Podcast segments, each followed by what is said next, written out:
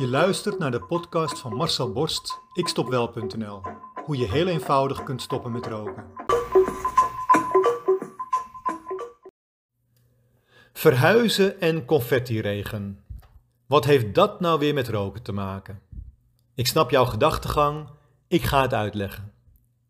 Ik sta op het punt om mijn woning en praktijk tijdelijk te verlaten, wegens een grote renovatie van ons pand. Twee maanden het huis uit. Van alles inplannen in de hoop dat straks alles een beetje gladjes verloopt. Ik zit nu dus tussen de verhuisdozen en hoop mijn computer nog zo lang mogelijk niet in te pakken.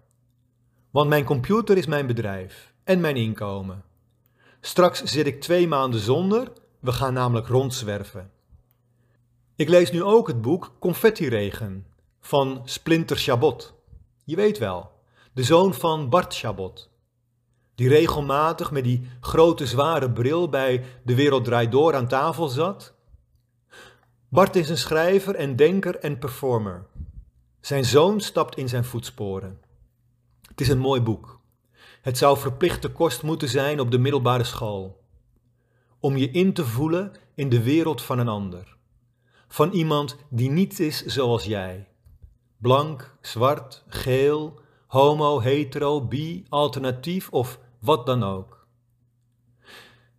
Ik ben nog niet eens op een derde van het geheel, maar heb al menig traantje weggepinkt. En veel gelachen ook. Het boek is een feest van herkenning. Splinter beschrijft hoe hij zijn hele leven al heeft gevochten tegen zijn homoseksualiteit. Waar dat voor zijn omgeving rond zijn derde al helemaal duidelijk was, begreep hij maar niet waarom anderen hem als anders zagen. Waarom hij zusje werd genoemd in het gezin. Waarom hij uitgescholden werd op de middelbare school. De eerste verliefdheden op jongens en het sterke gevoel dat dat niet mag. Dat je dat niet wilt, dat dat niet kan.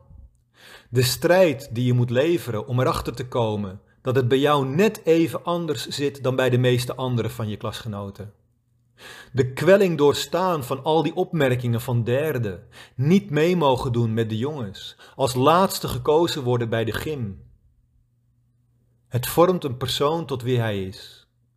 De strijd van Splinter lijkt zoveel op mijn eigen strijd. Herinneringen die ik al lang was vergeten kwamen allemaal weer naar boven. De signalen van je omgeving, de openingen om je te helpen. Maar ik zag ze niet. Splinter zag ze ook niet.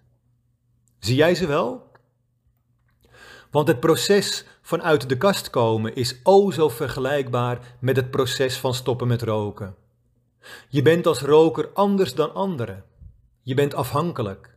Je ervaart die stress elke dag opnieuw. Je bent ook een minderheid, een paria in de maatschappij. Verstoten van restaurants en barren en terrassen. Je weet diep van binnen dat je moet accepteren dat je beter af bent als niet-roker. Maar dat is een hele klus. Want je voelt je o zo veilig in die bekende rokerswereld. En dat mag niemand van je afnemen.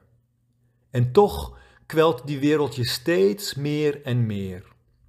Radeloos word je ervan. Wat moet je? Met wie kun je praten? Wie kan jou helpen? Er zijn openingen genoeg. Iemand reikt jou de hand en zegt: Loop met mij mee en ik toon je de weg. Het enige wat jij moet doen is accepteren dat jij als mens niet geboren bent als roker, maar als niet-roker. Net zoals een homoseksuele jongen moet accepteren dat hij is geboren als homoseksueel, niet als heteroseksueel. Zo moet jij accepteren en omarmen, net als iemand die uit de kast komt, dat er opeens een hele andere wereld voor je open kan gaan. Net als bij Splinter. Net als bij mij. Ik steek mijn hand naar je uit. Pak hem als je me nodig hebt. Maar kom uit die kast. Het leven als niet-roker is zoveel fijner dan wat je nu doet. Echt waar. Maar je komt er pas achter als je het doet. Net als Splinter. Net als ik.